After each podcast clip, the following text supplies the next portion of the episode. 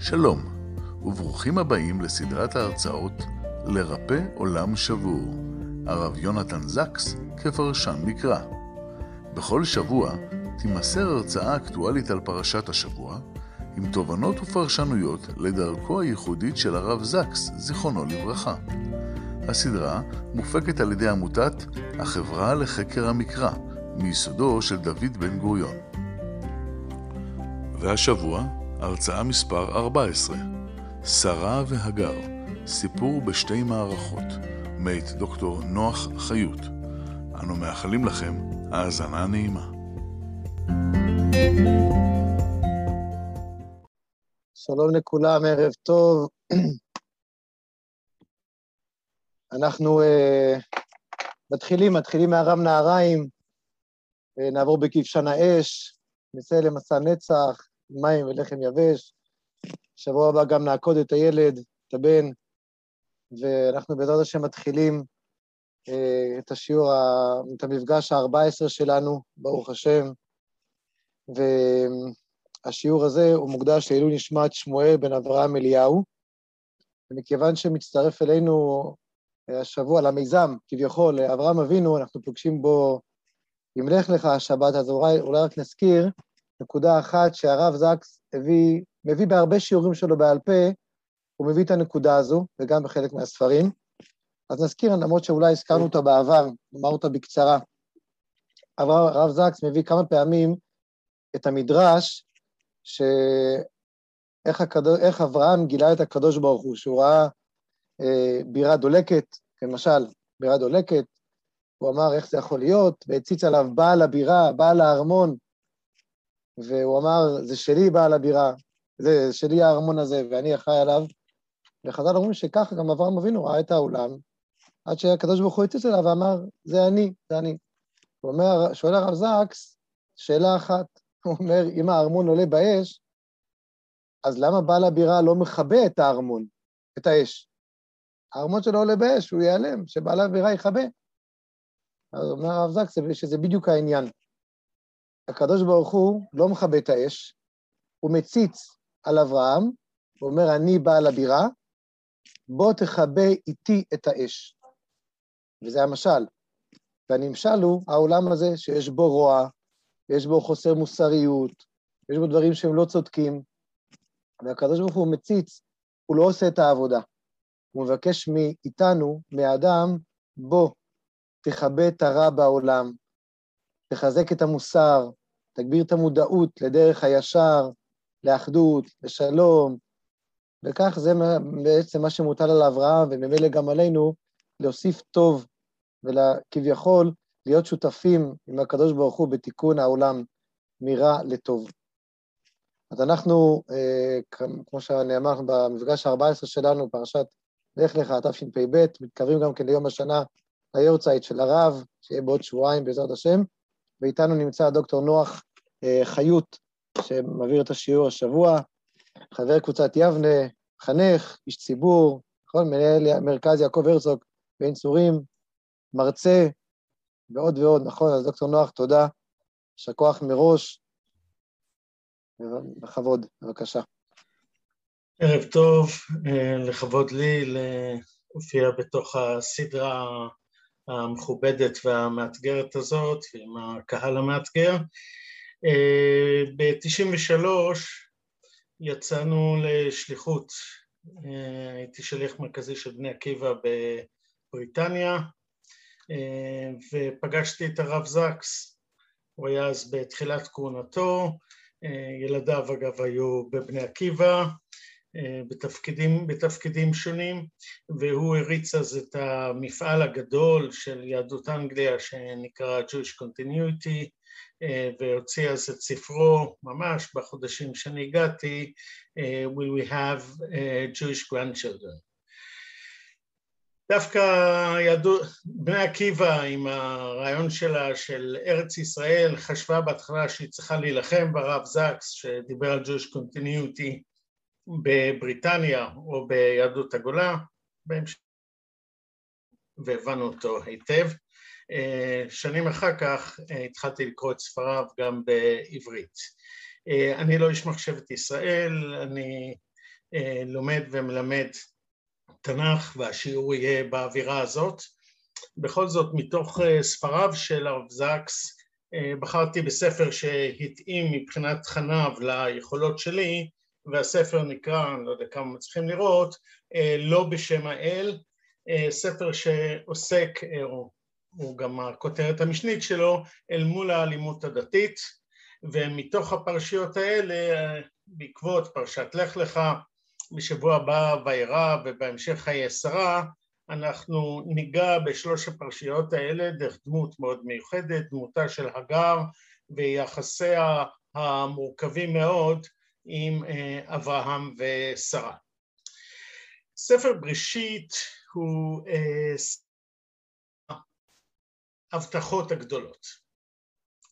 כמובן שתי הבטחות שאנחנו מכירים אותן שחוזרות ונשנות אצל האבות, ההבטחה לארץ והבטחת הזרע.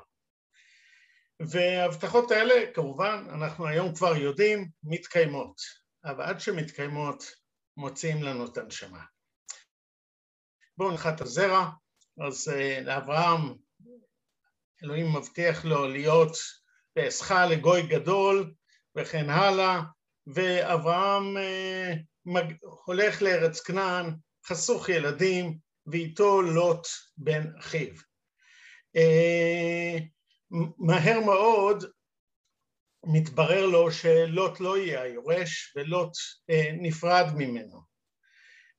הוא עדיין מחפש יורש וטענותיו ולקדוש ברוך הוא אומר שהיחידי שיש לו זה את דמשק אליעזר אבל הקדוש ברוך הוא מבהיר לו שזה לא היורש אלא מישהו שיצא ממאיו.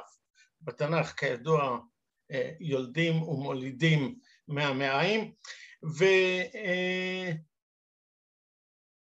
וזה מישהו שיצא ממאיו, השאלה היא מי תהיה האישה והנה בפרק שלנו יהיה לנו את הגר שתהיה אולי אם פוטנציאלית ליורש וייוולד בהמשך בן שיהיה בן פוטנציאלי יורש ישמעאל אבל גם כאן מודיעים לו שהיורש לא יהיה ישמעאל והוא נאלץ כפי שנראה בהמשך לגרש את ישמעאל ואת אמו ולפני כן כבר נולד לו יצחק וגם את יצחק הוא מתבקש להקריב עד שהמלאך קורא אליו מהשמיים אל תשלח ידך אל הנער וההבטחה בסוף מתגשמת.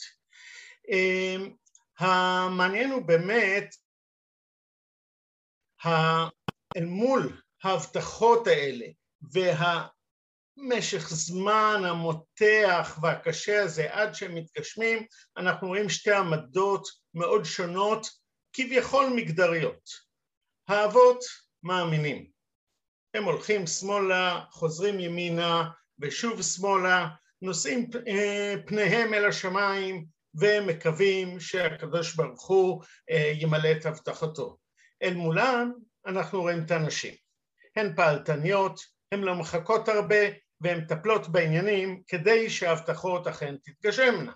אז כפי שנראה שרה מביאה לאברהם את הגר ורבקה מסדרת מה שהיא מסדרת בין עשיו לבין יצחק, בהמשך רצינו את התרגיל הראשון כדי שגם לאה תינשא ובהמשך עם הדודאים יהיה תרגיל נוסף וכך הלאה וכך הלאה. אלא שהספר מספר לנו במשך הזמן שהפלטנות והאקטיביות הזאת של האנשים עולה במחיר לא פשוט. היום אנחנו נראה משהו מתוך הדבר הזה ונראה ונדגיש את תורתו ואת פרשנותו של הרב זקס וגם את צוואתו כיצד להתייחס אל הפסוקים האלה מתוך סיפור שרה והגר וברשותכם אני הקבצים כדי שנוכל אה, לעקוב יחד ולראות אותם.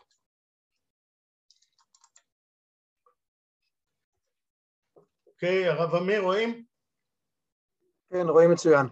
בסדר גמור, אני טיפה אגדיל. נקצץ דווקא. בסדר גמור. אז כפי שהעמדתי את זה כאן, אנחנו רואים בעצם שני סיפורים, אחד בבראשית ט"ז, פרשת לך לך, השני בבראשית אה, כ"א, כבר בפרשת וירא, וכפי שניתן לראות מהכותרת, אנחנו גם נקפוץ בהמשך, בסוף לסיום חשוב מאוד, אה, דווקא בפרשת חיי שרה. אז אה, בואו נקרא יחד, ושרה אשת אברהם לא ילדה לו, ולשפחה המצרית ושמה הגר. אני קורא כמובן בטור הימני. ותאמר שרה אל אברהם, הננה עצרני אדוני מלדת, בונה אל שפחתי אולי ייבנה ממנה, וישמע אברהם לכל שרי. ותיקח שרי אשת אברהם את הגר המצרית שפחתה מקץ עשר שנים לשבט אברהם בארץ כנען, ותיתן אותה לאברהם אישה, לא לאישה. ויבוא אל הגר וטהר ותרק יהרתה ותקל גבירתה בעיניה, ותאמר שרה אל אברהם חמסי עליך, אנוכי נתתי שפחתי בחיקך, ותרק יהרת ואקל בעיניה, ישפוט אדוני ביני וביניך. ויאמר אברהם אל שרי, הנה שפחתך בידך, עשי לה טוב בעינייך. ותענה שרי, ותברח מפניה. וימצאה מלאך אדוני על עין המים במדבר על העין בדרך, בדרך שור. ויאמר, אגר שפחת שרי, אין מזה בת ואנה תלכי. ותאמר מפני שרי גבירתי אנוכי בורחת. ויאמר למלאך אדוני שוב אל גבירתך והטעני תחת ידיה. ויאמר למלאך אדוני הרבה הרבה את זרעך ולא יספר מרוב. ויאמר למלאך אדוני הנה חרה ויולדת בן וקראת שמו ישמעאל כי שמע אדוני אל עונייך. והוא יהיה פרא אדם ידו בכל ויד כל בו ועל פני כל אחיו ישכון. ותקרא שם אדוני הדובר אליה, אתה אל רועי, כי אמרה הגם הלום ראיתי אחרי רועי. על כן קרא לה באר, באר לחי רועי, הנה בן קדש ובן בארד, ותלד הגר לאברהם בן, ויקרא אברהם שם בנו אשר ילדה הגר ישמעאל. הסיפור שלפנינו אינו פשוט, הוא מתחבר כמובן להקדמה בנושא אין לאברהם שרה יורש, ולשרה יש רעיון אה, לקחת את הגר ולהשתמש בה כאם מולידה עבור יורש לאברהם, תוך כדי גם תקווה אולי ייבנה ממנה, תקווה שנשארת סתומה ברמה זו או אחרת, אבל ככל הנראה הכוונה היא שמהבן הילוד, מכיוון שהגר היא שפחתה והיא נותנת אותה לאברהם לחיקו, הרי גם הבן יהיה באיזושהי מידה הבן שלה. אנחנו רואים למעשה אצל האמהות האחרות, אצל רחל ולאה, שרחל גם היא הכרה והיא נותנת ליעקב את בלהה, ובהמשך לאה כשיום אחד יוצרת מילדת לרגע אחד, היא נותנת ליעקב גם את אה, זלפה, ובני השפחות הם באיזושהי רמה בתוך העניין, כמובן שם הם נשארים 12 ילדים. אה, אלא שכאשר הגר אה, נכנסת להיריון וקורה, מתחילה השמחה הגדולה שמתבהר, אולי אה, יש יורש לאברהם, הגר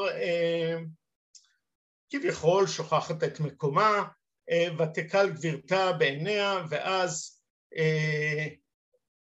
הגר, שרי קובלת בפני אברהם, אברהם אה, פסיבי מאוד ואומר הנה שפחתך בידך ושרי מענה את הגר והגר בורחת אל המדבר.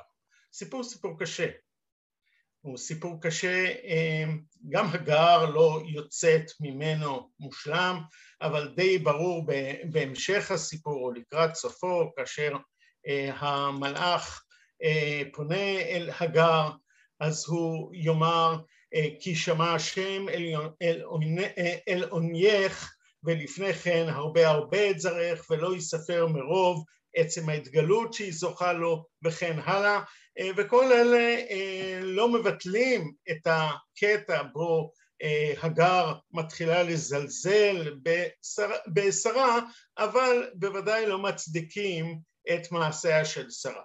גם אברהם יוצא כאן בסיפור בדמות אה, חלשה וקשה, כאשר הוא בעצם נלחץ בין שתי אנשים, נבוך, ואומר להגר, הנה שפחתך בידך, עשי לה כתוב בעינייך, וגם הדבר הזה קשה.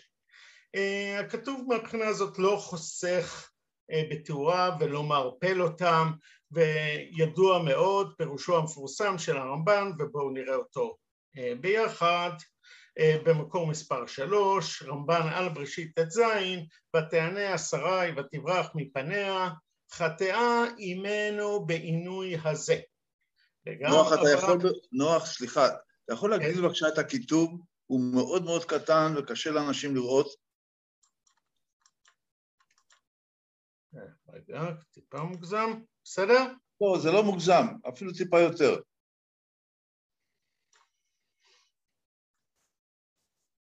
תודה. ותענה השרי ותברח מפניה, חטאה אימנו בעינוי הזה, וגם אברהם בהניחו לעשות כן. ושמע אדוני אל אוניה, ונתן לה בן שיהא פרא אדם לענות זרע אברהם ושרה בכל מיני העינוי.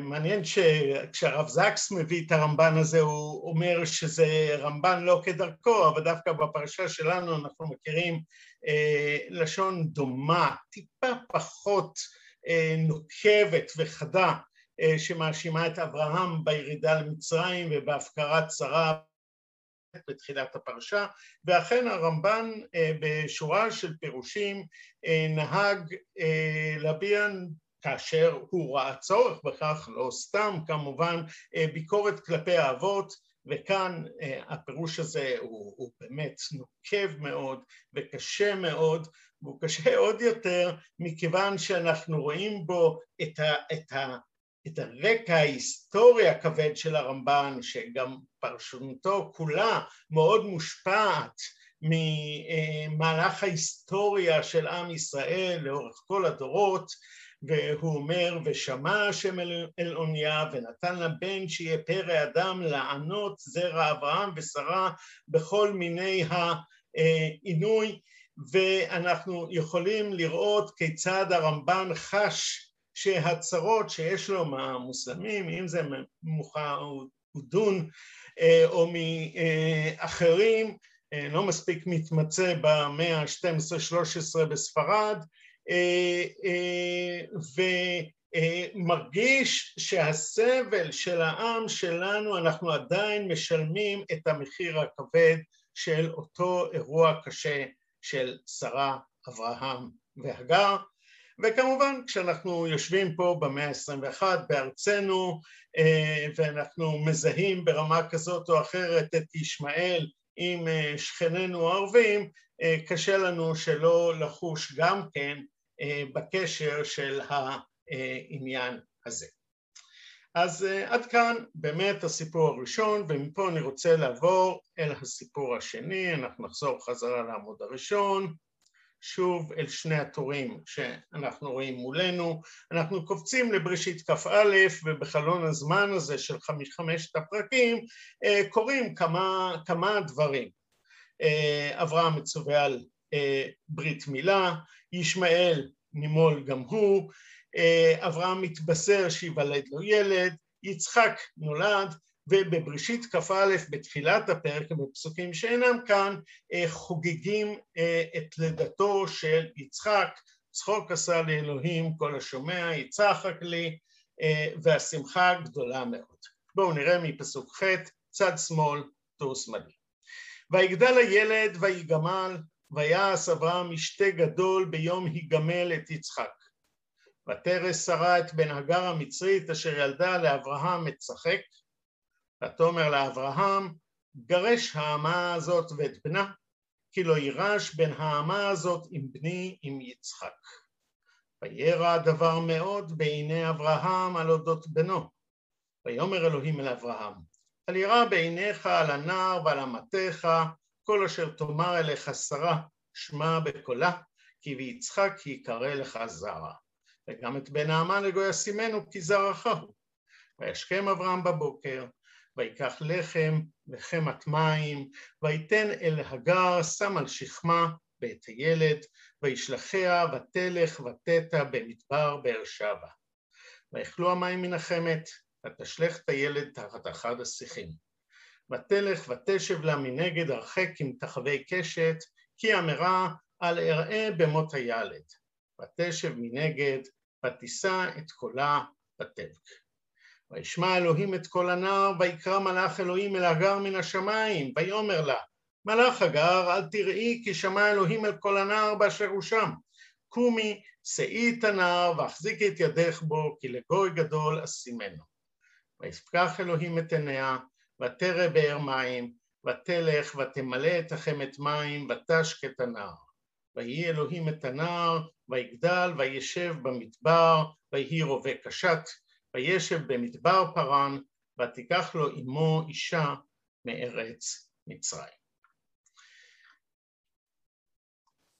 עד השני, אה, לכאורה הוא קטע המשך, ובו אנחנו רואים שלאחר הטראומה הראשונה הגר חוזרת ומתענה על פי צו המלאך שמעורר בנו גם פליאה מסוימת, מתענה תחת ידיה של שרה, אה, יולדת את ישמעאל, ישמעאל גדל וכאשר יצחק נולד אה, פורץ הקטע הפחות ברור בסיפור, יש שם איזשהו מפגש בין שני הנערים וישמעאל מצחק את יצחק, ישמעאל מצחק עם יצחק, אה, חז"ל ידוע כמובן פירושם של חז"ל שכורכים במצחק את שלושת העבירות הגדולות, עבודה זרה, גילוי עריות ושפיכות דמים, אה, בפשט הדברים אה, הנקודה לא ברורה ונשארת אני חושב בצורה מעורפלת, יש פה אולי טריגר מסוים אבל הטריגר השני נמצא בהמשך, כי לא יירש בין האמה הזאת עם בני, עם יצחק. ואברהם מצווה על ידי שרה לגרש את, בן, את האמה ואת בנה, וכאשר רע בעיניו והוא מצטער, ספק על הילד, ספק על הילד ועל אמו, מאוד מעניין הניסוח שם בין שני הכתובים, אה, מגיעה במפתיע אפילו אה, תמיכתו של הקדוש ברוך הוא בשרה, כל אשר תאמר לך שרה שמע בקולה. תוך כדי הבטחת הקדוש ברוך הוא שהוא ישמר וישמור את ישמעאל וגם הוא יהיה לגוי גדול, הוא ישרוד עוד פעם את הטראומה השנייה של הגירוש, אה, הוא ישרוד את המדבר ויהפך לגוי גדול לצידו של יצחק אבל ככל הנראה אה, במדבר. אה, בואו נסתכל רגע על הדמיון בין שני הסיפורים, אה, והוא גדול מאוד כמובן. אנחנו יכולים לראות כאן איזושהי השוואה, ואנחנו רואים שבשני הסיפורים יש לנו מלאך השם שמתגלה אל הגר. ט"ז נקרא מלאך השם, בכ"א מלאך אלוהים, לא נראה לי עם נקודה חשובה. אה, בט"ז שרה מהנעת הגר והיא בורחת, בשני שרה מגרשת את הגר, בשני הסיפורים שרה אה, מוצאת עצמה אה, במדבר, בשני המקרים יש לנו הבטחה לריבוי זרע, בשני המקרים יש לנו משחק מילים שמע וישראל, בשני, שמע וישמעאל סליחה, ובשני המקרים יש לנו מקור מים מעיין אולי בבראשית ט"ז, מעיין באר, באר לחי רועי, ובאר מים בבראשית כ"א. על רקע הדמיון יש לנו גם שוני מסוים. מסוים לצד דברים שיכולים להיות סמנטיים, יכולים להיות פחות, וזה שם האלוהים ושפחה ועמה, אנחנו רואים שהגר מרגיזה את שרי וישמעאל מרגיז את שרה, הגר בורחת, הגר מגורשת, עדיין שינויים קטנים, אבל כאן אני חושב שאנחנו רואים את השינוי הגדול. האל בט"ז תומך בהגר, ובכ"א האל תומך בשרה, ובט"ז אברהם מסכים עם שרה, או לפחות פסיבי ואינו נוקט אה, עמדה אה, ערכית, הרי בפרק כ"א אברהם מנסה להתנגד לשרה, ואם כן, יש כאן איזשהו קושי אה, גדול יותר. אה, סיפורים דומים שיש בהם נקודה או שתיים שונות באופן מיוחד קורא להם יאיר זקוביץ' בשם סיפורי בבואה. כלומר, סיפורים שהם נראים זה לזה כמו במראה, כפי ש... כשאני אסתכל במראה השעון שאין לי יעבור מיד שמאל ליד ימין, כך גם הסיפורים יהיו מאוד מאוד דומים, אבל יהיה בהם פרט שהוא שונה, והפרט ששונה מודגש מאוד דווקא על רקע הדמיון, ולפרט הזה אנחנו נרצה להגיע בהמשך, אבל לפני כן אני רוצה אה, להציב שתי אפשרויות להסתכל על שני הסיפורים. אחד כעל סיפור בהמשכים שבוודאי בתורה כפי שהיא לפנינו אה, זה הרעיון. אנחנו, יש לנו מערכה ראשונה לפני שישמעאל נולד, כשהגר נכנסת להיריון, ומערכה שנייה לאחר לידתו של ישמעאל בוודאי, אבל גם לידתו של אה, יצחק, ונסתכל על זה בהתחלה באמת כשתי מערכות, ואני רוצה להראות כאן אה, רעיון שנמצא בכמה מקומות אבל אה, נמצא, מופיע גם אצל קסוטו ואני אביא את תכניו. אה, בכמה מקומות אנחנו יכולים לראות מדרשי חז"ל ששואלים למה ירדנו למצרים. האמת היא שהשאלה לא כך מדויקת, כי למה ירדנו למצרים יש לנו תשובה מאוד ברורה בבראשית ט"ו. ידוע תדע כי גרי זרעך בארץ לא להם ועבדו ועינו אותם וכן הלאה, והסיבה שאנחנו צריכים לחכות ולרדת למצרים כי לא שלם עוון האמורי עד הנה. אוקיי, אז גם הקדוש ברוך הוא הכל יכול, יש לו עקבות מוסריים, הוא עדיין לא יכול לתת לנו את הארץ כי יושב בה מישהו אחר, ורק אשר תקדש שאתו והחטאים שהוא יצבור, אה, הכוס החטאים הזאת תגלוש, רק אז הוא יוכל לפנות לנו את הארץ ולגרש, לסלק בכל דרך שהיא את אה, יושבי הארץ אה, עבורנו. אבל פה אנחנו יכולים בהחלט לשאול, אוקיי, אז נשב במצרים בכיף אה, ונהנה ממנעמי הארץ, מדוע העינוי והעינוי מתפרש הן במדרשי חז"ל וככל הנראה גם במקומות שונים בספר בראשית כעונש על חטאים, חטאי אבותינו לאורך ספר בראשית, שאחד מהם כבר הזכרתי ברמז והרמב"ן אכן ממצה את זה, זו ירידתו של אברהם למצרים והפקרת אשתו. אבל אחרים, בתוכם כסותו, רואים בסיפור שלנו את הסיבה לעינוי מצרים. בואו נבחין בו. אה, אנחנו רואים ששרה מענה את הגר המצרית והמצרים יענו את בני ישראל.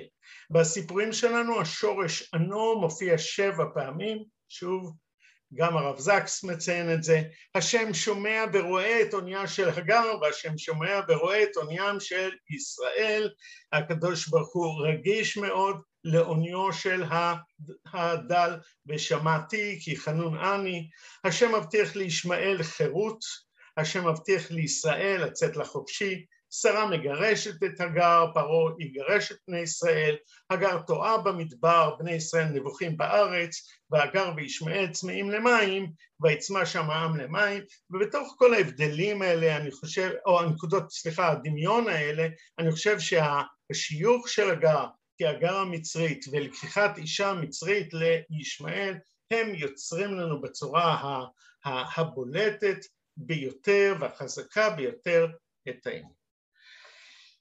אבל מכאן אני רוצה אה, ללכת למשהו רגיש יותר ומורכב יותר בתוך הדברים. דיברתי על ספר בראשית כספר ההבטחות הגדולות, אבל בספר בראשית יש לנו גם בחירה. ורבים רבים דיברו בספר בראשית על איזשהו משפך של בחירה. ואנחנו יכולים להסתכל על כלל האנושות ועל נוח ועל שלושת בניו ועל בחירתו של שם ועל עשרת הדורות שמנוח עד אברהם ועל בחירתו של אברהם ומשם אנחנו בוחרים את יצחק ומיצחק את יעקב וכן הלאה. הבחירה אה, מנומקת בסיפור כזה, בסיפור אחר, אה, היטב או בצורה פחות מפורטת. אבל את הדברים האלה מדגיש הרב זקס לצד כל בחירה יש לנו גם דחייה. לצד כל בחירה יש דחייה. לצד כל שמחה על הבחירה, יש לנו גם מפח נפש מהדחייה. הוא יכול להיות אצל קין, למה נפלו פניך, והוא יכול להיות בהמשך אצל ישמעאל, הוא יכול להיות אצל עשיו, הוא יכול להיות אצל כל אחד מאיתנו כאשר אנחנו חווים את הדחייה הזאת. והשאלה כיצד סיפורי ספר בראשית באמת מספרים לנו את סיפורי הבחירה והדחייה הללו, ולאן מוביל אותנו משפך הבחירה הזה שבצידו הנדחים, זוהי, זהו אתגר מאוד מאוד גדול לספר, ואתגר לא פחות גדול לנו כקוראים שלו. אנחנו יכולים להעמיד בעצם שאלה מאוד מעניינת. והשאלה תהיה, כיצד ישמעאל, בנו של אברהם, הגיע בסופו של דבר אל המדבר? למעשה, אנחנו יכולים לצרף שאלה נוספת בדור הבא, כיצד עשיו, בנו של יצחק, מוצא את עצמו מחוץ לארץ? מה הסיפור שאנחנו מספרים לעצמנו, מה הסיפור שהתורה מספרת לנו, שספר בראשית מספר לנו, מדוע בסופו של דבר ישמעאל ועשיו מוצאים את עצמם החוצה מנודים, דחויים, שונים. והתשובות הפשוטות, אם אני אזכיר, ניקח דווקא את עשיו, כי אנחנו נדון הרי מיד בישמעאל, אה, מי שיפתח את בראשית ל"ו, את הפרק האחרון לפני פרשת וישלח, לפני פרשת וישב, יוכל לראות שם למשל תשובה מאוד מפתיעה, שמדוע עשיו אה, לא נשאר בעצם יחד עם יעקב בארץ כנען. כלומר, השאלה הזאת היא שאלה שמעסיקה אותנו. וכשאנחנו מסתכלים על השאלה הזאת, דומה שאנחנו יכולים למצוא שתי תשובות שונות לחלוטין בתוך הטקסטים שלפנינו. אני אעלה אותם שוב. אם אני חוזר על הטבלה שלנו, הסיפור הראשון של בראשית ט"ז, שאלה את שלוש, הדמו, את שלוש הדמויות, שרה, אברהם והגר, הציג בצורה ברורה בעיניי וברורה מאוד בעיניו של הרמב"ן, את חטאיהם של שרה ושל אברהם, ומציג את הגר כקורבן עד כדי כך שהרמב"ן אה, אומר את שהוא, את שראינו שם, ושמע השם אלוניה, ונתן לבן שיהיה פרא אדם, לענות זרע אברהם ושרה בכל מיני האימות. כלומר, כשאנחנו חוזרים לשאלה מדוע ישמעאל איננו בהמשך נשאר בארץ, בארץ שהובטחה לאברהם, התשובה היא למעשה שאנחנו גירשנו אותו. והגירוש הזה היה חטא.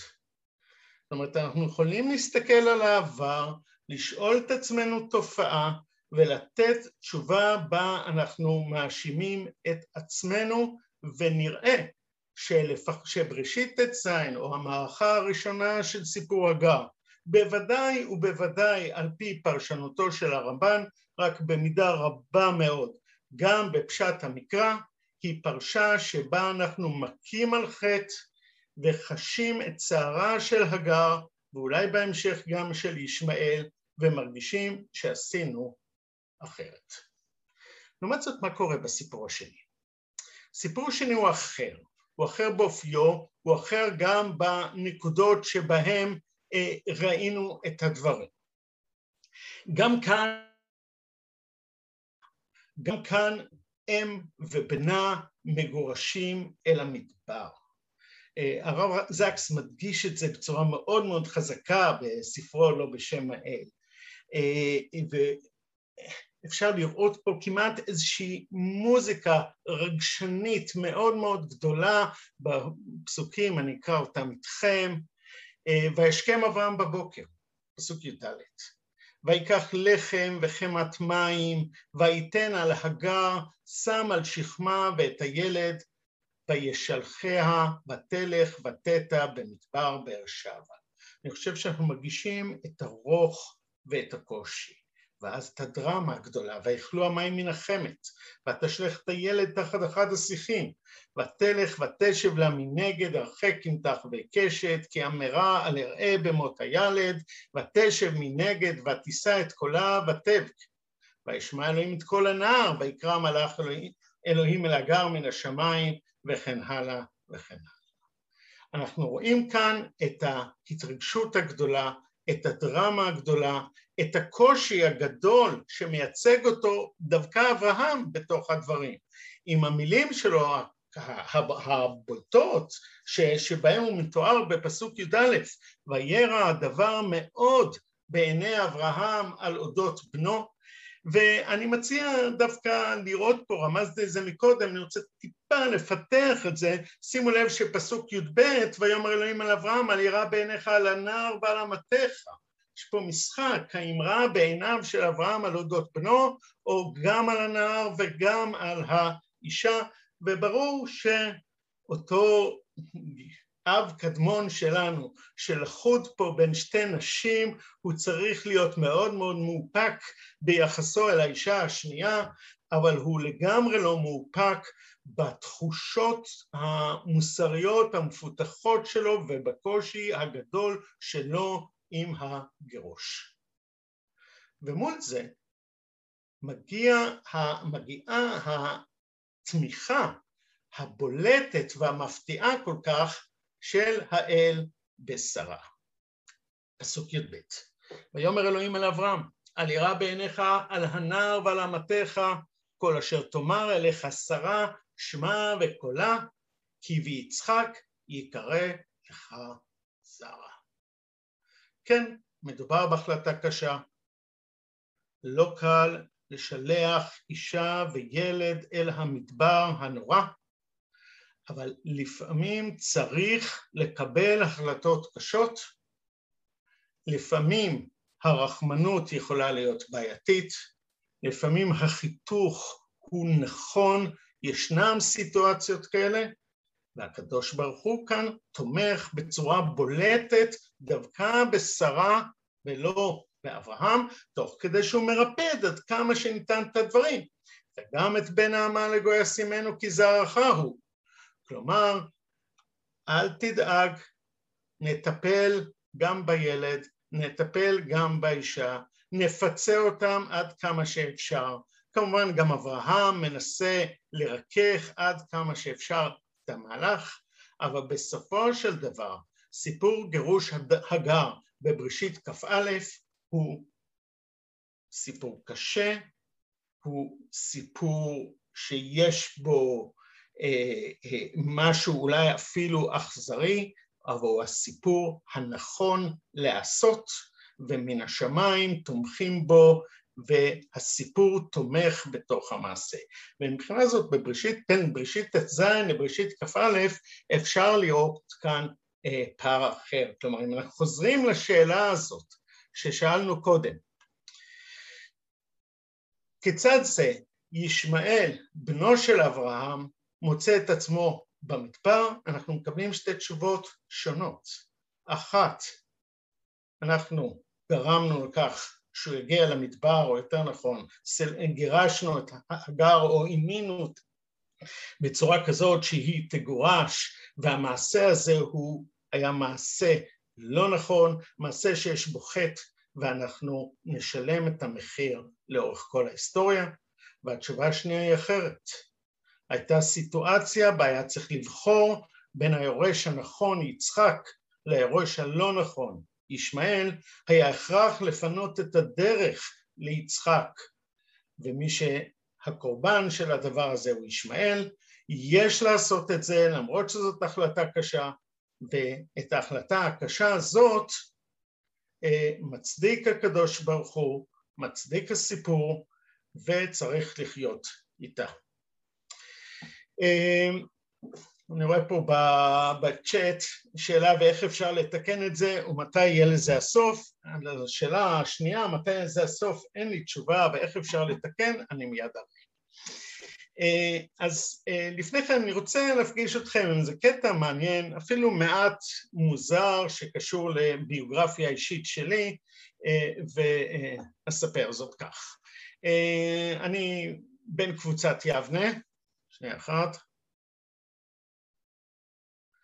אז שואלים פה מדוע להוציא יד אברהם את הגר מרכוש רב, מלים וכל טוב, אינני יודע, אני חושב שהסיפור מנסה לתאר לנו שאברהם בסיטואציה בה הוא נלכד, זה לא רק בין הגר לבין שרי, הוא נמצא גם באיזשהו קושי אה, אל מול הקדוש ברוך הוא, הוא חייב לבצע את הדברים, הוא עושה את המקסימום, אה, לפחות אותי כקורא, הוא משכנע שהוא עושה מה שניתן, אברהם של בראשית כ"א הוא אברהם רחום, אה, הוא אברהם רגיש, אבל אה, הוא אברהם שנאלץ לשתף פעולה עם החלטה קשה, אולי אפילו אכזרית, אבל ככל הנראה ההחלטה הנכונה, ככה אני קורא את אה, בראשית כ"א.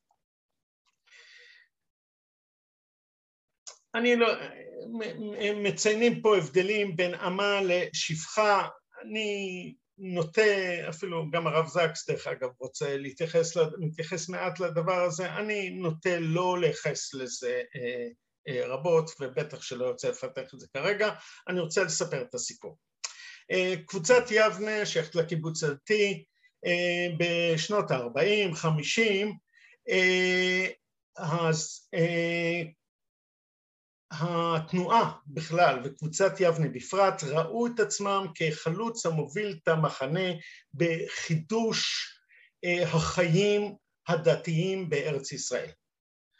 אה, זה כמובן התבטא למשל באמירת הלל ביום כיפור, בהופה, ביום העצמאות ובתפילות מחזור יום העצמאות וכן הלאה, אבל בין היתר הם גם מחדשים את שמחת בית השואבה ובקיבוץ עושים במשך שנתיים או שלוש חגיגה ענקית שמוזמנים אליה אלפי אנשים באותו זמן, אני לא יודע איך היו בכלל יכולות כלכליות אה, אה, להרים אירוע כזה, והם מרים אירוע, תמיד המבוגרים אה, מרגיעים אותי שהמסכת שהגיעו אליה כל כך הרבה אנשים לא הייתה כל כך מעניינת, אבל בכל אופן הגיעו אלפי אנשים, ולא רק שהיו אלפי אנשים, אלא לאחר המסכת האנשים חזרו הביתה והיה להם טענות או, או רעיונות איך היה אפשר לשפר את הדברים.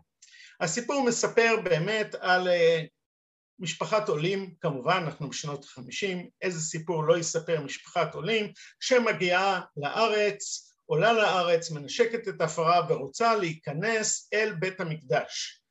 אבל בשער יש שומרים, והיה לנו אה, חבר משק איטלקי מאוד מאוד אה, מרשים וגבוה, והוא השומר, והוא לא נותן למשפחה להיכנס, היא איננה טהורה. למחרת מכתבים למערכת זועקים מה זה בקיבוץ הדתי עושים סלקציה ולמה לא נתנו למשפחה לעלות ובחליפת מכתבים עם אה, חבר כפר מנחם אה, כותב אחד ממנהיגיו של הקיבוץ הדתי בכלל ושל קבוצת יבני בפרט, צוריאל אדמונית, את הדברים המפתיעים והקשים הבאים.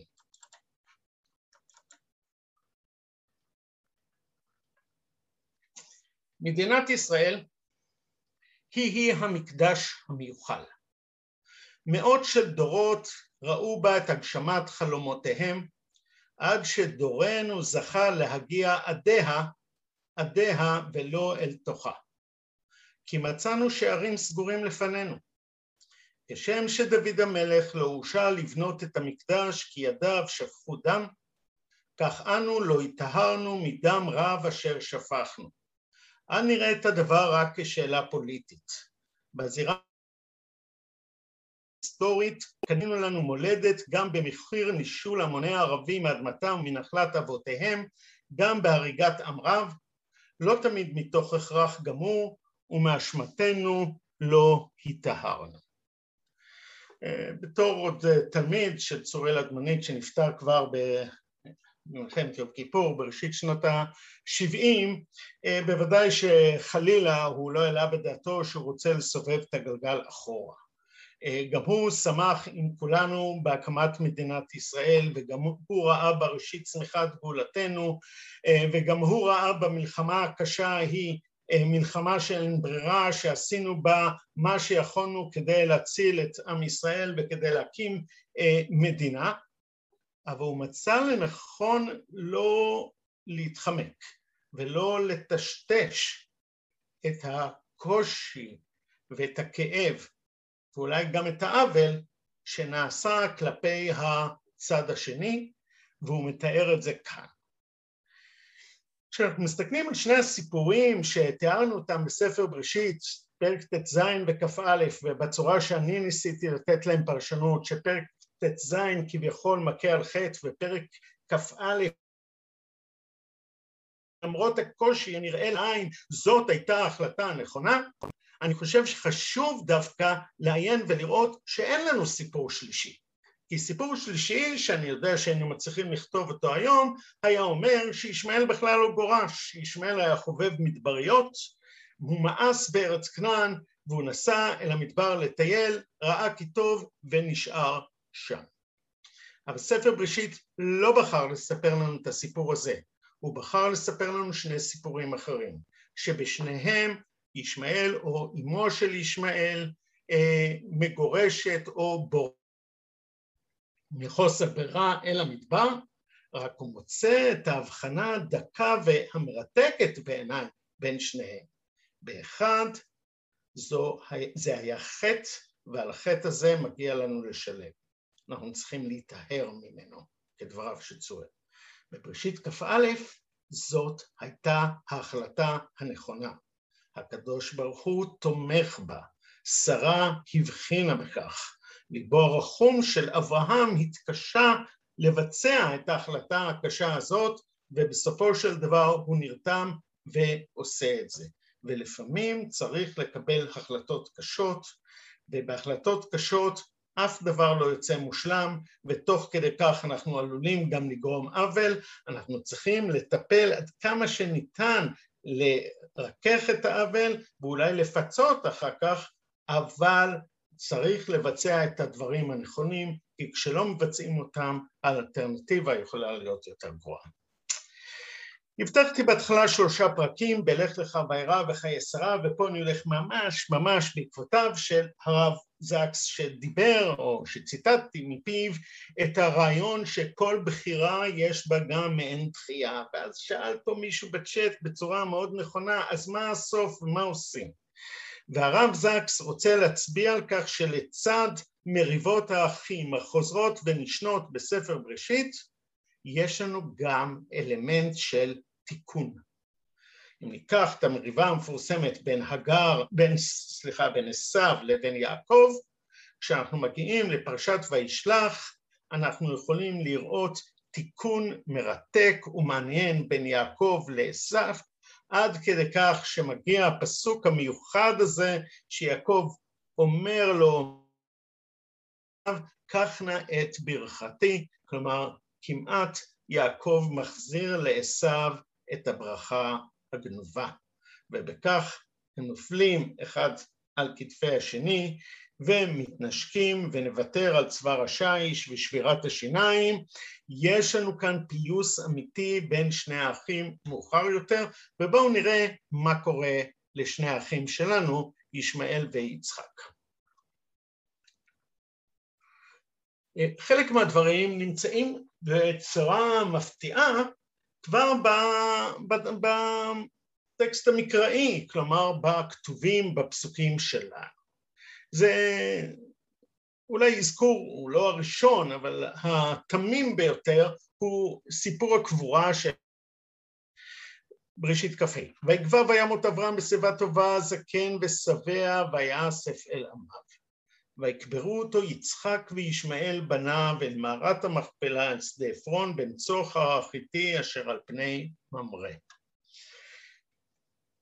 קשה להחמיץ את ההרמוניה שנשקפת כאן מהאדם הזקן שמת בשיבה טובה ונקבר באווירה רגועה על ידי שני בניו ואין הד כלשהי לדרמה הגדולה שהייתה כאשר הם נולדו ובהרמוניה מוחלטת ויקברו אותו יצחק וישמעאל בניו אל מערת המכפלה אל שדה עפרון וכן הלאה. לפני כן, בבראשית כ"ד אנחנו רואים דבר מעניין. כאשר העבד, ש... כאשר העבד הולך להביא אישה ליצחק ממשפחתו של אברהם, כאשר הוא חוזר ומביא איתה, אנחנו קוראים את הפסוקים הבאים, זה כבר ממש סוף הפרק, ותקום רבקה ונערותיה ותרכבנה על הגמלים ותלכנה אחרי האיש ויקח העבד את רבקה ויצחק בא מבו באר לחי רועי והוא יושב בארץ הנגב. חז"ל לא החמיצו את המילים באר לחי רועי עם הבאר המפורסמת שלנו כאן מבראשית ט"ז שעל כן קרא לבאר באר לחי רועי הינה בין קדש ובין ברת והם אומרים בכמה מדרשים, אני הבאתי אחד כאן, להיכן הלך, הלך יצחק, באר לחי רועי, הלך להביא את הגר אותה שישבה על הבאר ואמרה לחי עולמים ראה בעלבוני. כלומר הרעיון שחז"ל מפתחים פה זה שבעצם יצחק וישמעאל עשו חברותא של דף יומי הם המשיכו את החיים המשותפים. הם לא הכירו או רצו לא להכיר או רצו לשכוח את המריבות של האימהות והם ישבו יחד.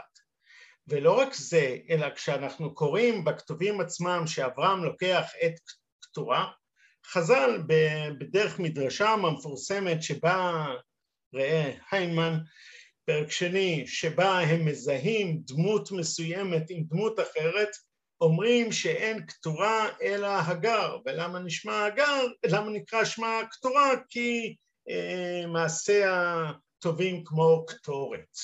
אבל הרעיון לקרוא לקטורה הגר או לזהות בין קטורה להגר הוא רעיון של תיקון. כלומר, אברהם נושא חזרה את הגר, מחזיר את גרושתו כביכול לאחר מותה של שרה, כאשר הדבר הזה מתאפשר, כאשר הוא איננו כבר משחית את נחלתו, הוא יכול לחזור ולקחת את הגר. ישמעאל ויצחק יכולים ללמוד יחד, יכולים לחיות יחד בבאר לחי רועי, והנה אנחנו רואים שאפשר לעבור קונפליקט מאוד קשה, שיכול להיות שיש בתוכו גם אה, אה, דחייה, ויש בתוכו גם בחירה, ויש בתוכו גם גירוש וקושי, אבל אפשר לגשר על הדברים ולהמשיך חיים משותפים. אה, לשיא הדברים מגיעים בפרקי דרבי אליעזר. פרקי דרבי אליעזר הוא מדרש מאוחר, מאה שמינית. כשאנחנו מדברים על מאה שמינית אנחנו עמוק כבר בתקופה המוסלמית, ודי ברור גם מוטיבציה של הדרשן ליצור אה, מחדש הרמוניה עם הישמעאלים. אה, גם מדרש הזה מופיע בספרו של הרב זקס. שלח ישמעאל ולקח לו אישה מערבות מואב ועיסה, שמה. לאחר שלוש שנים הלך אברהם לראות את ישמעאל בנו. עכשיו, קטע יפה, ונשבע לשרה שלא ירד מעל הגמל במקום שישמעאל שרוי שם. כלומר, זה קצת שוביניסטי, האישה אשמה, במקרה שלנו יש לזה שורשים. והגיע לשם בחצי היום, מצא שם את אשתו של ישמעאל, אמר לה, היכן הוא ישמעאל?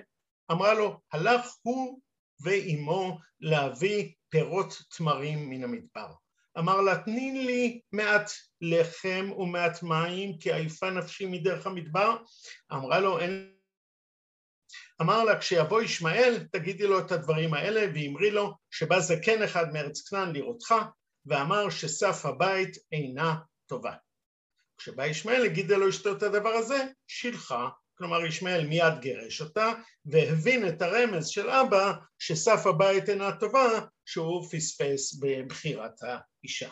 ושלחה עמו, הגר, ולקחה לו אישה מבית אביה ושמה פטומה או פטימה. עוד לאחר שלוש שנים הלך אברהם לראות את ישמעאל בנו ונשבע לשרה כפעם הראשונה שאינו יורד מן הגמל במקום שישמעאל שרוי שם. והגיע לשם בחצי היום, מצא שם אשתו של ישמעאל. אמר לה, היכן הוא ישמעאל? אמרה לו, הלך הוא ואימו לראות את הגמלים במדבר. אמר לה, תני לי מעט לחם ומעט מים כי עייפה נפשי מדרך המדבר. אנחנו שומעים פה בהחלט את הניסוי הזה של העבד אליעזר עם רבקה, הוציאה ונתנה לו. עמד אברהם והיה מתפלל לפני הקדוש ברוך הוא על בנו, ונתמלא מכל טוב ממין הברכות. וכשבא ישמעאל הגידה לו אשתו את הדבר הזה בידע ישמעאל שעד עכשיו רחמי אביו עליו, שנאמר כי ירחם אב על בנים. אז אה, מי ששאל אז מה עושים? התשובתו של הרב זקס היא מאוד ברורה, מחפשים את היכולת לתקן. יש שברים, היו שברים, ככל הנראה יהיו, אבל צריך לחפש את הדרך לתקן, ולצד המשברים והמשברי האחים החוזרים ונשנים בספר בראשית, אנחנו רואים גם את התיקון. ברור שכל הדרמה הגדולה של יוסף ואחיו היא חלק מהעניין הזה. פרק ל"ז, סיפור מכירת יוסף הקשה והנורא, וההתעלות של יוסף באחיו כשליט אה, מצרים, אנחנו רואים בהמשך תיקון בין האחים. הזכרנו את יעקב ועשיו, ראינו פה את ישמעאל ואת יצחק, והרב זקס קורא מתוך הפסוקים לנו לחפש לצד הקשיים, לצד הקונפליקטים, לצד משקי העבר, אה, את התיקון שיכול למשוך ולהביא לעתיד אה, טוב יותר. עד כאן.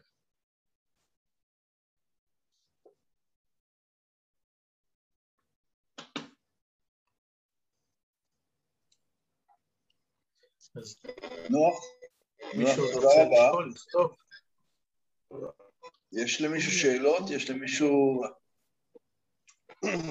להוסיף משהו? קודם כל, נוח, תודה רבה.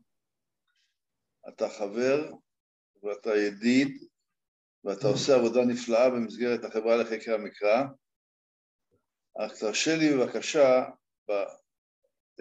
שיעור ששלחתי אתמול במסגרת השיעורים שאני שולח של הרב זקס, ריגש אותי מאוד הקטע האחרון שכותב הרב זקס, ואני מצטט ברשותכם: אלוהים איננו, איננו מבקש מאיתנו להיות מושלמים, הוא כן מבקש מאיתנו להסתכן למען בקשת הטוב והישר, ולהכיר בכך שבדרך נעשה טעויות ככל האדם.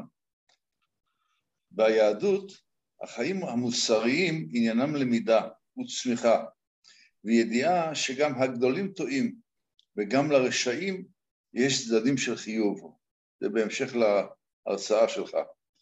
היא קוראת לנו להיות ענבים, וביחס לעצמנו גם נדיבים, וכך גם כלפי אחרים. מזיגה ייחודית זו של אידיאליזם וריאליזם היא המוסריות במלוא תובענתה ובמלוא בשלותה.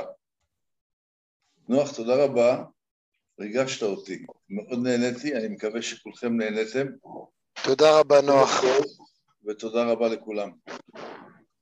יישר כוח. תודה, להתראות. להתראות.